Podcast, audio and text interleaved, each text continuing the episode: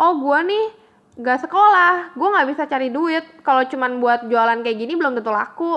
Muter-muter capek. Adik gue belum tentu bisa sekolah. Mak gue mungkin masuk rumah sakit gue nggak bisa bayar. Tapi dengan gue melakukan menjadi PSK gue bisa dapat duit banyak tanpa harus keliling-keliling komplek jualan misalnya. Hmm. tapi gue bisa bantu adik gue sekolah mak gue masuk rumah sakit bisa sembuh. Hmm. Tan maksudnya itu benar-benar easy money banget. Jess Maman with Westin. change my mind with Malta Dan kali ini kita mau ngebahas tentang sesuatu yang mungkin bagi sebagian orang ngerasa topik ini sangat tabu ya. Dan terutama buat perempuan sih. Jadi kali ini kita mau ngebahas topik tentang prostitusi. Lebih tepatnya eh, prostitusi itu lebih baik dilegalkan apa enggak sih?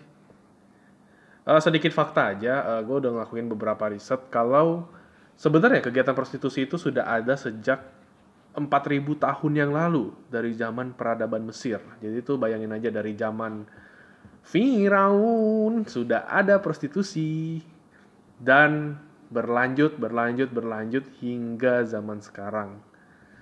Nah, menurut kamu nih em, di zaman sekarang kita nggak usah ngomong zaman zaman dulu lah. ya. Zaman dulu mungkin eh, dilegalkan karena mungkin dari kerajaannya itu sendiri, dari peradabannya itu sendiri eh, menganggap itu hal yang lumrah gitu kan.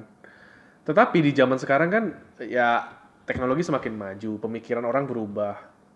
Menurut kamu prostitusi di zaman sekarang itu eh, masih menjadi hal yang lumrah seperti zaman dahulu atau enggak ini harusnya sudah sudah harusnya ditiadakan gitu. Menurut kamu gimana sebagai perempuan ya?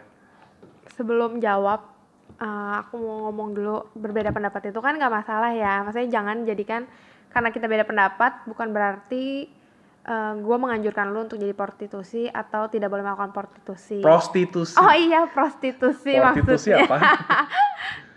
terus berbeda pendapat itu bukan artinya lu boleh ngehujat gua. Kritik boleh tapi jangan menghujat gitu loh. Maksudnya kan berbeda pendapat itu kan lumrah dong antara kamu dan aku bisa jadi berubah eh berbeda pendapat jadi Iya, jangan iya. dipermasalahkan Intinya, intinya kan pendapat itu dilontarkan berdasarkan fakta-fakta yang atau realita-realita yang kita lihat dan kita alami gitu sebenarnya kan. Jadi ya intinya sih di sini cuma pengen ber, ber- Kasih bertukar pendapat dan memberikan pandangan subjektif aja. Jadi kalau misalnya ada yang nggak setuju ya udah. Tapi kalau misalnya ada yang setuju ya oke gitu. Terus kita juga bukan pemerintah, kita bukan orang yang membuat kebijakan juga. kita Iya hanya sih? memberikan pendapat Kita hanya memberikan pendapat. Jadi kalau misalkan nggak setuju mau kasih saran boleh banget kritik boleh banget tapi jangan menghujat kalau menghujat kan eh boleh lah tapi jangan kasar-kasar ya aku baper nanti oke Hmm, kalau menurut aku prostitusi Prostitusi, Nyonya. prostitusi itu wow, lumrah atau enggak masih ada zaman sekarang Iya, maksudnya di, Pertanyaannya. ya di zaman sekarang kan eh, dulu itu kan suatu hal yang lumrah. Tapi di zaman sekarang seiring Em, berkembangnya kamu tahu teknologi. dari mana zaman dulu itu lumrah Lah, iya dong, karena kan di zaman dulu malah eh let's say di peradaban Mesir atau peradaban Romawi deh. Itu kan malah eh, prostitusi-prostitusi ini di-provide oleh rajanya untuk melayani prajurit-prajuritnya. Sepengetahuan aku ya. Aku nggak nggak pernah dengar. Iya, tapi Aku cuma tahu kalau raja di Cina banyak istrinya, tapi itu kan bukan prostitusi kan. Itu mah poligami. enggak dong. Ya kayak di zaman-zaman kerajaan dulu kan bahkan kayak ada rumah bordil itu kan Oh legal iya iya gitu, iya nggak iya. nggak iya, sampai iya. digerebek kan sama rajanya. Bahkan pejabat-pejabatnya banyak yang Menggunakan juga. menggunakan jasa itu dan itu hal yang biasa gitu loh. Makanya aku bisa menyimpulkan hal seperti itu gitu. Iya iya iya. Nah. Di film-film juga banyak Ya, ya. di film-film juga. Nah di zaman sekarang kan berubah dong. Maksudnya sekarang Di zaman sekarang PSK-nya masih maju. ada, rumah bordelnya masih ada, Iya. cuman eh, banyak masyarakat yang tidak menyetujui adanya itu ya kan. banyak ya ya. Ya, that's why pemerintah masih antara legal atau dilegalkan itu masih rancu dan tidak diurus mungkin ya. Kita dan juga nggak menurut tahu. aku sih masih abu-abu. Terutama di Indonesia ya. Kita nggak usah Iya. ngomongin yang lain. Kalau negara lain ada yang memang melegalkan, ada yang memang sama sekali nggak boleh gitu kan. Nah kembali lagi jawaban kamu apa nih? Oh, kalau menurut aku, aku berpendapat untuk melegalkan porsti- prostitusi. Biar gampang ngomongnya kegiatan PSK aja deh gitu. Ya, enggak udah prostitusi.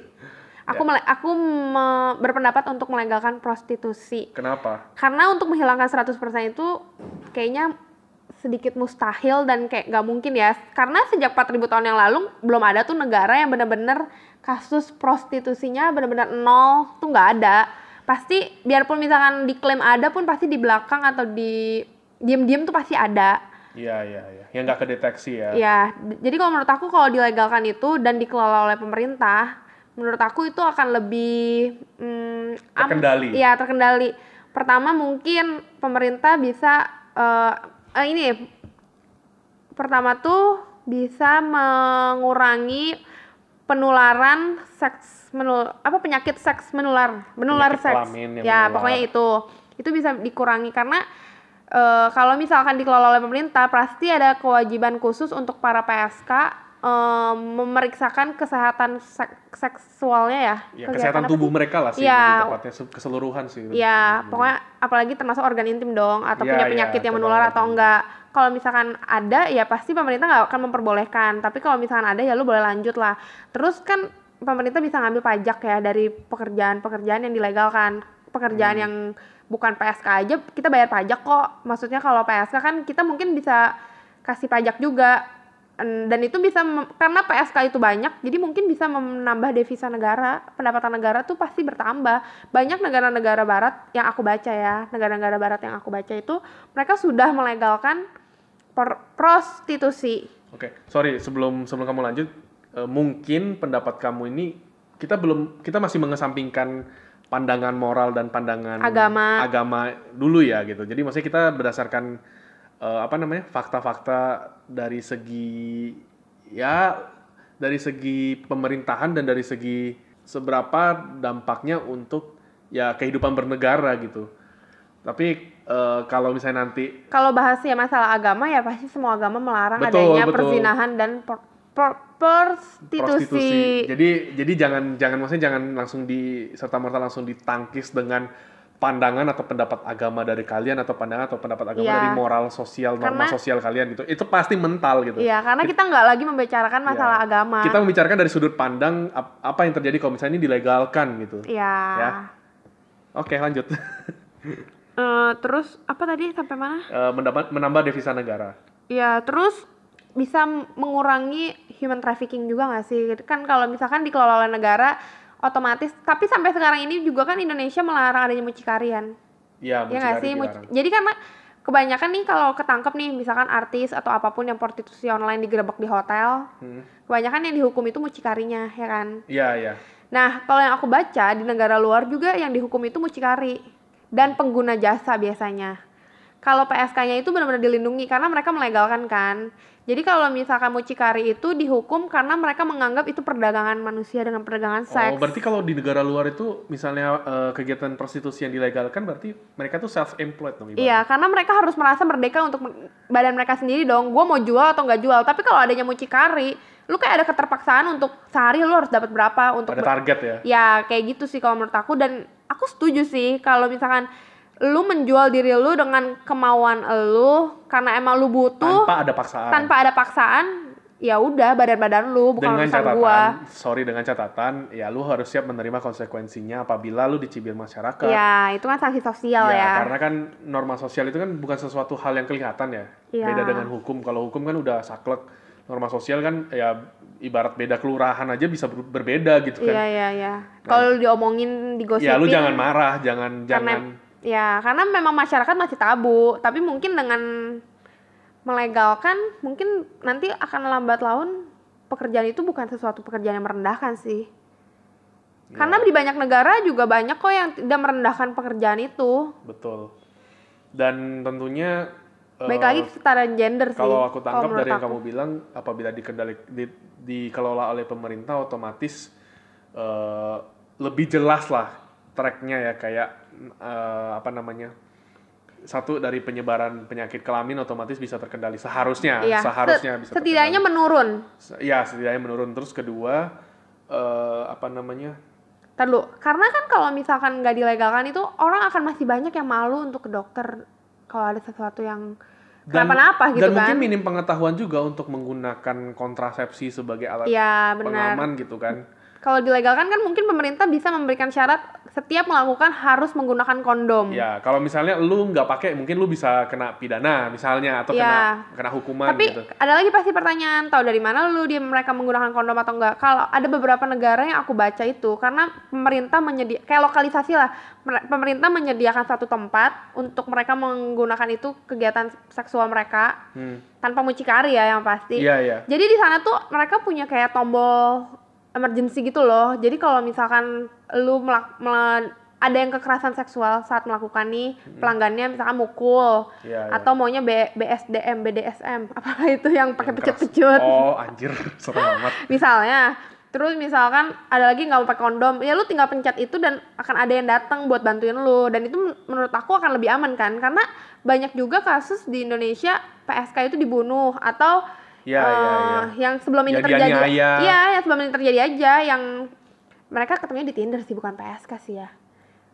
Tapi kan itu maksudnya itu kan bisa mengurangi terjadinya seperti itulah gitu pembunuhan saat ter- transaksi Ya intinya Lebih sih aman untuk sih. melindungi si ya melindungi si keduanya sih. pekerja seks komersialnya juga. Iya. Eh, dan penggunanya juga dilindungi sih kalau menurut aku. Kan kalau misalnya PSK-nya bersih Hmm, kalau misalnya yang jahatnya PSK ya penggunanya bisa dilindungi gitu kan. iya Intinya gitu. panic button itu bi- bisa digunakan bagi orang yang merasa dirugikan. iya Benar ya? iya Iya sih. Dan beberapa negara udah menerapkan itu ya. iya yang aku baca ya Kalau nggak salah ya Jepang sama Korea udah. aku nggak tahu udah- Jepang udah Korea. deh. kebanyakan negara-negara yang sudah melegalkan itu negara-negara Eropa Negara Eropa ya. ya Oh. Terus yang aku baca lagi, mereka nggak hanya mem- memberikan syarat seperti itu, tapi mereka juga membatasi umur. Oh Untuk iya, anak-anak tentunya, yang ya. di bawah umur 17 atau 18 tahun, mereka tidak itu termasuk perdagangan anak. Jadi nggak boleh. Tapi selebihnya kalau lu udah lebih dari 17 atau 18, tergantung negara masing-masing ya. Hmm. eh, usia dewasanya berapa, eh, itu dianggap sudah bisa mengambil keputusan sendiri. Dewasa secara hukum lah ya Hmm. seperti itu. Tapi kalau untuk anak-anak di bawah umur mereka juga tidak boleh muci, tidak ada boleh mucikari. Terus mereka biasanya rumah bordil itu juga nggak boleh sih. Tapi mereka kasih satu tempat di di kota ini mungkin atau di daerah ini itu lu boleh. Ada distriknya kalau nggak Ya, tapi Ya, malah ada di beberapa tempat kayak negara Brazil gitu ya. Mereka mem- banyak eh, PSK pergi ke daerah pantai gitu karena banyak turis dan itu malah menarik turis untuk datang Hmm. seperti itu. Iya, iya, iya. Oke. Berarti kamu setuju prostitusi harus dilegalkan tapi dengan catatan bahwa eh, pemerintah harus mengendalikan secara bet, mengendalikan sorry me- mengelola secara betul eh, tentang kegiatan atau Iya. industri ya kita sebutlah industri lah ya industri prostitusi ini gitu kan. Eh, dengan tujuan untuk mengurangi tentunya mengurangi angka penularan eh, penyakit kelamin dan melindungi baik si pengguna maupun si Penyedia eh, jasa. penyedia jasa. Cukup masuk akal sih. Sekali lagi ya, dengan mengesampingkan Norma agama. norma sosial dan norma agama. Kemudian, oke kita tarik mundur sedikit.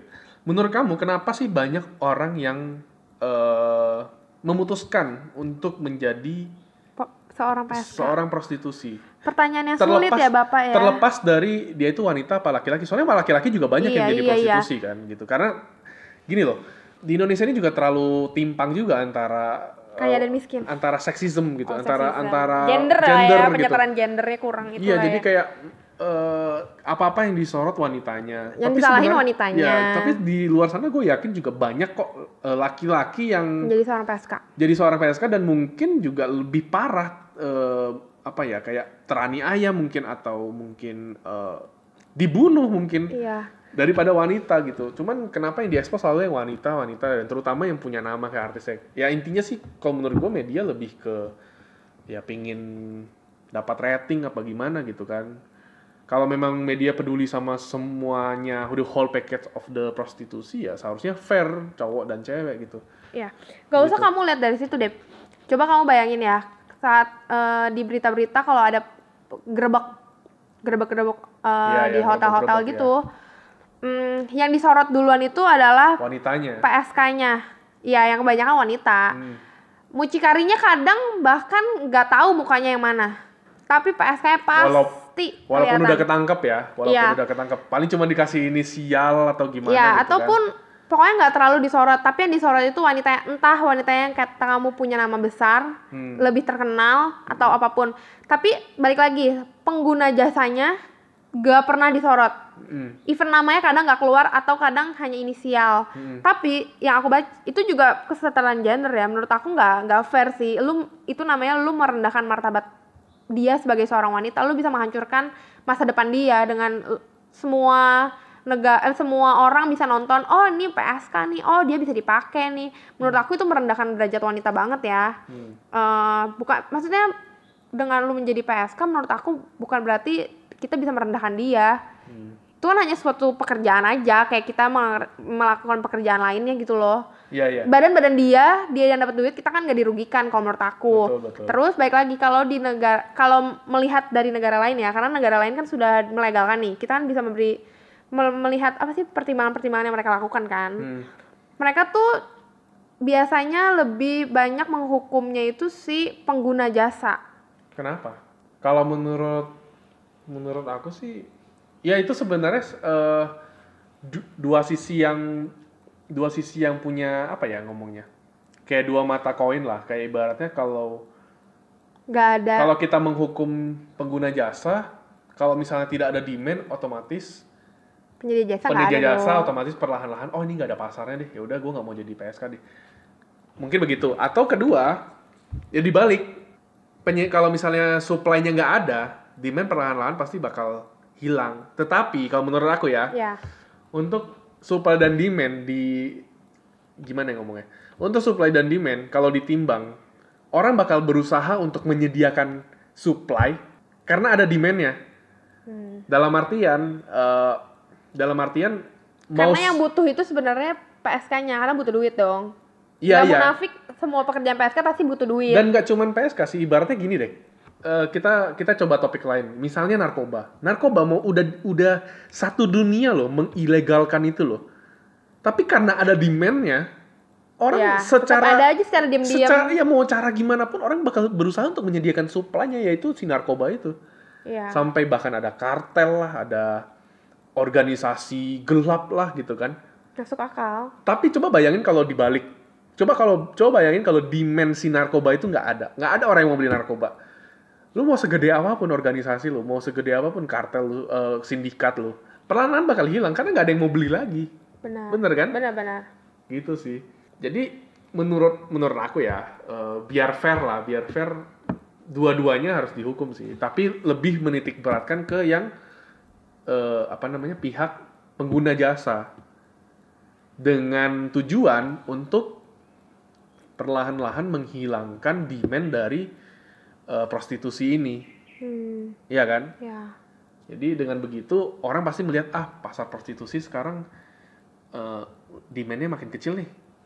Nah ini sini orang bakal mengurungkan niat dia untuk menjadi prostitusi perlahan-lahan. Gitu sih menurut aku. Eh tapi kembali lagi nih pertanyaan aku belum dijawab. Ya, Mengapa ya. banyak orang yang ingin menjadi prostitusi? Selain ekonomi ya, kalau ekonomi kan ya orang udah tahu lah gitu. Cuman aku masih bingung. Apakah ada orang yang memang mau passionnya gitu? kayaknya enggak ya siapa sih yang mau ya kita nggak tahu kan orang macam-macam. yang iya sih karakternya gitu. Enggak ada orang yang dengan gua tapi ya kalau menurut aku ya kayaknya lebih kayaknya lebih biarpun pasti ada yang mungkin nggak karena uang ya mungkin kalau nggak karena uang ya cari pacar aja kali atau cari suami ya nggak sih kalau hanya untuk mau melakukan tapi kalau menurut aku sih pasti faktor terbesarnya karena ekonomi karena nggak butuh ada- ekonomi Ya sebenarnya sih ini cuman apa ya? Aku cuma pengen Tahu. tahu pendapat dari kamu aja sih. kalau menurut selain aku sih selain uang itu apa sih? Karena kan pastilah namanya pekerja seks uang pasti ya bisa dibilang instant money gitu kan, easy money gitu. ya Satu satu short time dapat segini, long Tapi time aku yakin segini. sih kalau kamu tanyain PSK yang baru ya, misalkan kalau yang lama mungkin udah terlalu enak cari duitnya. Tapi kalau yang baru pasti mereka juga melakukan kegiatan ini karena nggak ada pilihan. nggak ada pilihan. karena ya. gue mungkin gue ngerasa kalau dia dia mereka mereka mungkin ngerasa oh gue nih gak sekolah, gue nggak bisa cari duit. Kalau cuman buat jualan kayak gini belum tentu laku. Muter-muter capek, adik gue belum tentu bisa sekolah, mak gue mungkin masuk rumah sakit gue nggak bisa bayar. Tapi dengan gue melakukan menjadi PSK, gue bisa dapat duit banyak tanpa harus keliling-keliling komplek jualan misalnya. Hmm. Tapi gue bisa bantu adik gue sekolah, mak gue masuk rumah sakit bisa sembuh. Hmm. Tan- maksudnya itu benar-benar easy money banget. Tapi kalau menurut aku benar-benar eh, ekonomi. Even pemerintah bisa eh, meningkatkan ekonomi dan ketidakas, sebenarnya bisa menghilangkan ketidakadilan sosial ya. Kayak contoh sekolah gratis, semua orang boleh sekolah apa pun syaratnya. Semua orang bisa sekolah, biar miskin kaya bisa satu sekolah Iya. rumah sakit apa pun penyakitnya eh lu bisa gratis lah intinya kan Hmm. negara-negara luar banyak yang udah menyediakan rumah sakit gratis ya bayar sekali asuransi di muka semua orang bisa Men- Da- mendapatkan mendapatkan fasilitas fasilitas kesehatan. Iya, iya.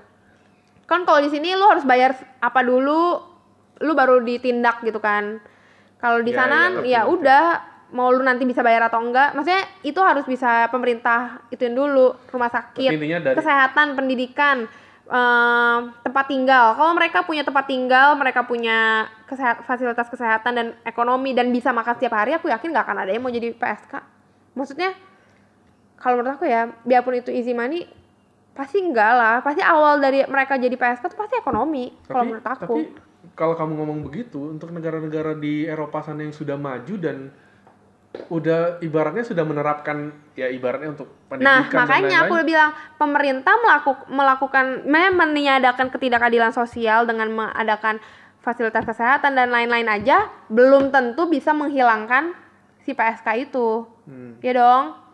Maksudnya gini, eh, negara luar aja udah meng apa sih udah menyediakan udah bisa, fasilitas ya, kesehatan gratis, untuk- pendidikan, tempat tinggal, bisa mem- maksudnya bahkan ada yang digaji dari negara tersebut kan. Itu aja belum bisa menghilangkan prostitusi. Maksudnya daripada ditidak legalkan apa sih? Jadi ngomongnya ya di dilarang. Ya dilarang prostitu, pro- prostitusinya. Mereka kan main-main juga di belakang kan. Maksudnya mereka akan diem-diem melaku, tetap melakukan kan. Tetap bisa nyuap sana sini kalau ketangkep atau apa pun. Jadi mendingan dilegalkan sih kalau menurut aku. Iya betul. Kalau menurut kamu mending legal atau enggak? Menurut aku legal tapi dengan catatan sih. Dengan catatan catatannya catatan seperti apa? Catatan-catatan yang kayak gini loh eh, kalau kalau mendengar pendapat dari kamu dari segi realita mengesampingkan penda- mengesampingkan pandangan norma sosial dan norma agama industri dari prostitusi itu kalau dikembangkan dan dikelola pemerintah mungkin better lah dibanding kalau mereka ngumpet-ngumpet pasti dong. Ya Cuman yang menjadi keresahan aku sekarang adalah kalau misalnya ini dikelola oleh pemerintah dan dan kamu tahu kalau pemerintahan di Indonesia itu ibaratnya tuh asing lah dengan hal seperti ini gitu. Jadi mereka jadinya kayak salah kelola atau misalnya malah eh, merugikan banyak pihak gitu kan. Itu takutnya malah menjadi ini gak sih? maksudnya Malah membuat orang malah menjadi ah udahlah gue mending ngumpet-ngumpet aja lah daripada gue bekerja sama sama pemerintah. makanya menurut aku pemerintah memberikan persyaratan Nah, kalau yang menurut masuk akal sih kalau menurut aku, iya makanya kalau menurut aku mending eh, perlahan sama pemerintah. Kalau gini, kalau memang bisa dihilangkan bagus, tapi sampai Nggak sekarang, ya. sampai sekarang belum ada negara yang berhasil meng- menghilangkan 100% prostitusi. Ya kalau mungkin gue bisa salah aja kalau misalnya ada bisa tolong info ke gue negara apa.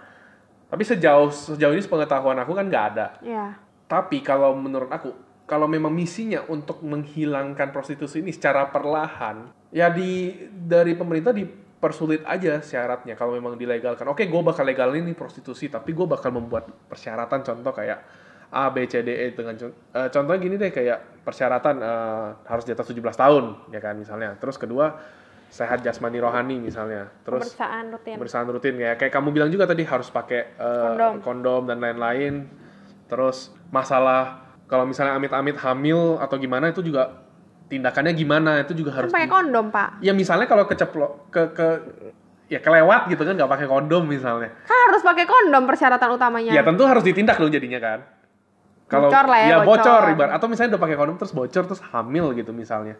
Itu gimana itu kan harus ditindak juga maksudnya di di, di Pokoknya itu kemungkinan yang bisa terjadi dicari lah kebijak ya. ke kebijakannya seperti apa gitu kan peraturannya seperti apa. Kalau misalnya dengan eh, lo begitu terus lo hamil misalnya lo dapat konsekuensi ABCDE misalnya anak lo nggak dibiayai negara atau gimana intinya eh, tolong dibikin seperketat mungkin dengan catatan satu satu pelanggaran aja dilanggar udah lo nggak boleh jadi PSK lagi dengan begitu kalau menurut gue ya dengan begitu orang bakal lihat ah jadi PSK kalau legal malas ah Jadi mendingan ilegal. Sama jadi aja mendingan dong. ilegal. Nah, Ayo gimana? pemerintah pemerintah harus yang sudah memberikan catatan nih gue udah legal ini tapi kalau lu masih di belakang gue gue bakal ngasih hukuman yang lebih berat Tapi karena gue udah melegalkan ya, gitu mm, no offense. Ini kalau misalkan salah bisa dikat aja, nggak usah dimasukin ya. Hmm. Kalau misalkan di pemerintah melegalkan, terus kalau misalkan lu masih di belakang gua melakukan secara ilegal, Hmm, lu harus akan ditindak keras. dihukum Tapi lah kita tahu di Indonesia itu masih banyak yang bisa disuap. Mm-mm. Ditilang aja lu masih bisa bayar kok. Istilahnya ya nggak sih? Nah kalau kayak gitu gimana nggak? Maksudnya nggak akan beres. Bayar KTP aja kadang kudu ngasih lima ribu dulu biar cepet jadi. ya kalau Makanya misalnya konteksnya sih. udah sampai ke suap menyuap kan gitu kita eh, udah tergantung ke pemerintah ya kita juga nggak bisa ngomong banyak sebenarnya karena ya ada maksudnya memang oknum yang bisa di, gampang disuap tapi memang masih banyak juga kok yang memang punya integritas gitu jadi itu tugasnya pemerintah lagi kalau memang untuk pos yang baru ini ya kalau memang peduli dengan industri prostitusi ini dengan tu, di, di mana tujuan tujuan akhirnya dengan untuk menghilangkan prostitusi secara perlahan ya lebih baik orang-orang yang ditaruh di pos ini loh orang-orang yang punya integritas yang tinggi gitu. Orang-orang yang memang peduli dengan Industri ini. pemberdayaan wanita misalnya atau orang-orang yang memang peduli dengan eh pemberdayaan wanita prostitusi juga ada cowok ya Ya, kesera- Ya, kesetaraan kese- gender. ya itulah intinya gitu bukan bukan bukan wanita doang gitu sosial.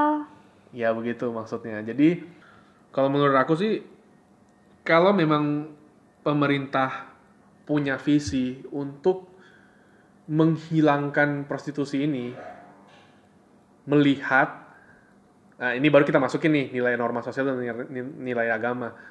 Melihat norma sosial dan norma agama di Indonesia juga sangat mentabuhkan ini.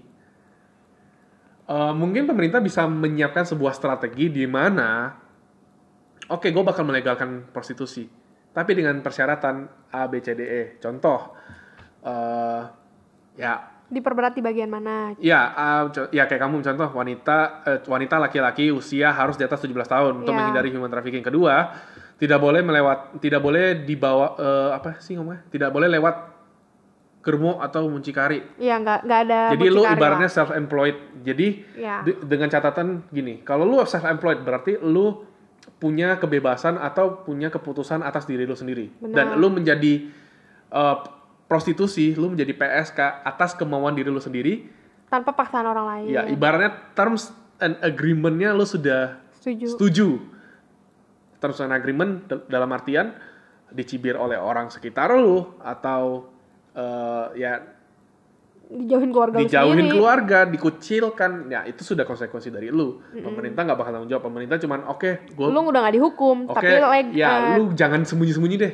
Daripada Ya. gua capek buat ngendaliin angka penularan penyakit atau eh, ya kayak human trafficking atau misalnya ada pembunuhan gara-gara prostitusi legal, ya udah gue legalin aja semua gitu. Dan dan data-data lu jelas, lu menjadi Ya. pekerjaan lu ibaratnya kayak di KTP lu sebagai misalnya PSK. PSK misalnya gitu kan. Atas pilihan lu tentunya. Ya, mungkin udah, sudah tidak ada konsekuensi hukum karena sudah dilegalkan. Yes, dan Tapi kalau konsekuensi sosial, ya pemerintah tidak tanggung jawab. tanggung jawab, Oke, urusan berarti lu. Oke, terms kemu- agreement-nya udah setuju. Eh, Oke, kemudian masuk ke strateginya nih. Kalau misalnya pemerintah mau visinya untuk menghilangkan prostitusi, ya udah tarifin aja pajaknya gitu. Ibaratnya kayak Pajak tahunan naik setiap tahun. ya mungkin contoh kayak misalnya dengan lu menjadi PSK sekali lu ngelayanin misalnya dapat 3 juta misalnya. Dikalkulasin dalam se dalam sebulan Mungkin 5% buat pemerintah. ya lima eh, lu dalam sebulan atau atau gini untuk untuk untuk menjaga maksudnya untuk tujuan untuk menjaga fisiknya juga lu harus dibatasin sehari ngelayanin berapa orang gitu kan iya cengli Iya. dong misalnya sehari dua orang atau sehari tiga orang kalau di luar itu ya lu ilegal lu melakukan melakukan transaksi ilegal bener dong Iya. kemudian dari situ misalnya sebulan ditotalin misalnya pendapatan lu berapa? Ya udah gue tarik pajak deh karena gue udah mewadahi lu nih. Iya. gue udah mewadahi lu nih gue udah memberikan ya edukasi segala macam operasionalnya sudah gue kasih. Bayar pajak. Nah pajaknya inilah yang ditinggikan. Pajaknya ditinggikan karena pendapatannya juga tinggi kan sebenarnya. Iya. contoh kayak dalam sehari dia bisa dapat eh, misalnya berapa? Dua, dua Nggak tahu. dia misalnya 2 juta kali 3 dia 6 juta kali 30 berapa tuh? Udah berapa ratus juta? 118. Eh, masuk nggak? Eh, 6 juta kali 30, 180 juta. 180 juta, pemerintah tarifin aja. Pajak itunya misalnya misalnya 70 30 70 30 60 40. Jadi ya seperti ya poinnya Simelta juga ya bisa masuk ke pemasukan pemerintah gitu.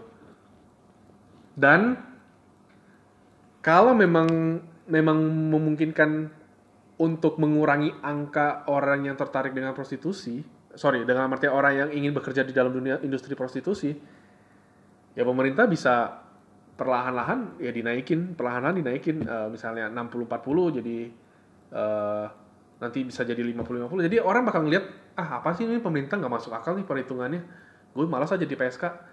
Tapi kalau gue misalnya main belakang, hukuman gue makin makin berat nih hukuman gue bakal berat nih ibaratnya kayak gue bisa dipenjara berapa belas tahun gitu misalnya Di luar bisa menyuap suap menyuap ya. ya kalau suap penyuap itu Udah udah, beda urusan urusan lah pemerintah ya. lah, Ka- kalau memang pemerintah- pemerintah peduli dengan urusan ini, pasti orang-orang yang ditaruh di pos-pos itu adalah orang-orang yang Punya integritas. punya integritas tentunya kan Masuk akal sih kalau emang visinya untuk menghilangkan ya. yes Bikin jadi, orang itu sendiri males sama industri yang dia jalankan. Hmm, jadi kalau gini loh kalau misalnya perlahan-lahan demand-nya nggak ada ya pemerintah harus menitik beratkan ke yang ilegal lagi sih. Kayak tadi aku bilang, kalau misalnya selama demand, eh sorry, sorry, supply, supply. Kalau misalnya demand-nya masih ada, orang bakal mencari segala cara untuk menyediakan supply-nya. Kalau misalnya dari dari wadah yang dilegalkan pemerintah sudah susah, otomatis orang bakal balik lagi ke ilegal. Jadi, dengan pemerintah menitik berat, dengan pemerintah menitik beratkan ke yang ilegal ini, orang yang main belakang ini dengan menaikkan hukumannya atau misalnya kalau misalnya ke gap mucikari misalnya dihukum mati misalnya gitu. Orang pasti bakal semuanya takut gitu kan untuk melakukan hal-hal seperti itu. Hai, bersambung ke part 2 ya. Thank you udah dengerin podcast ini.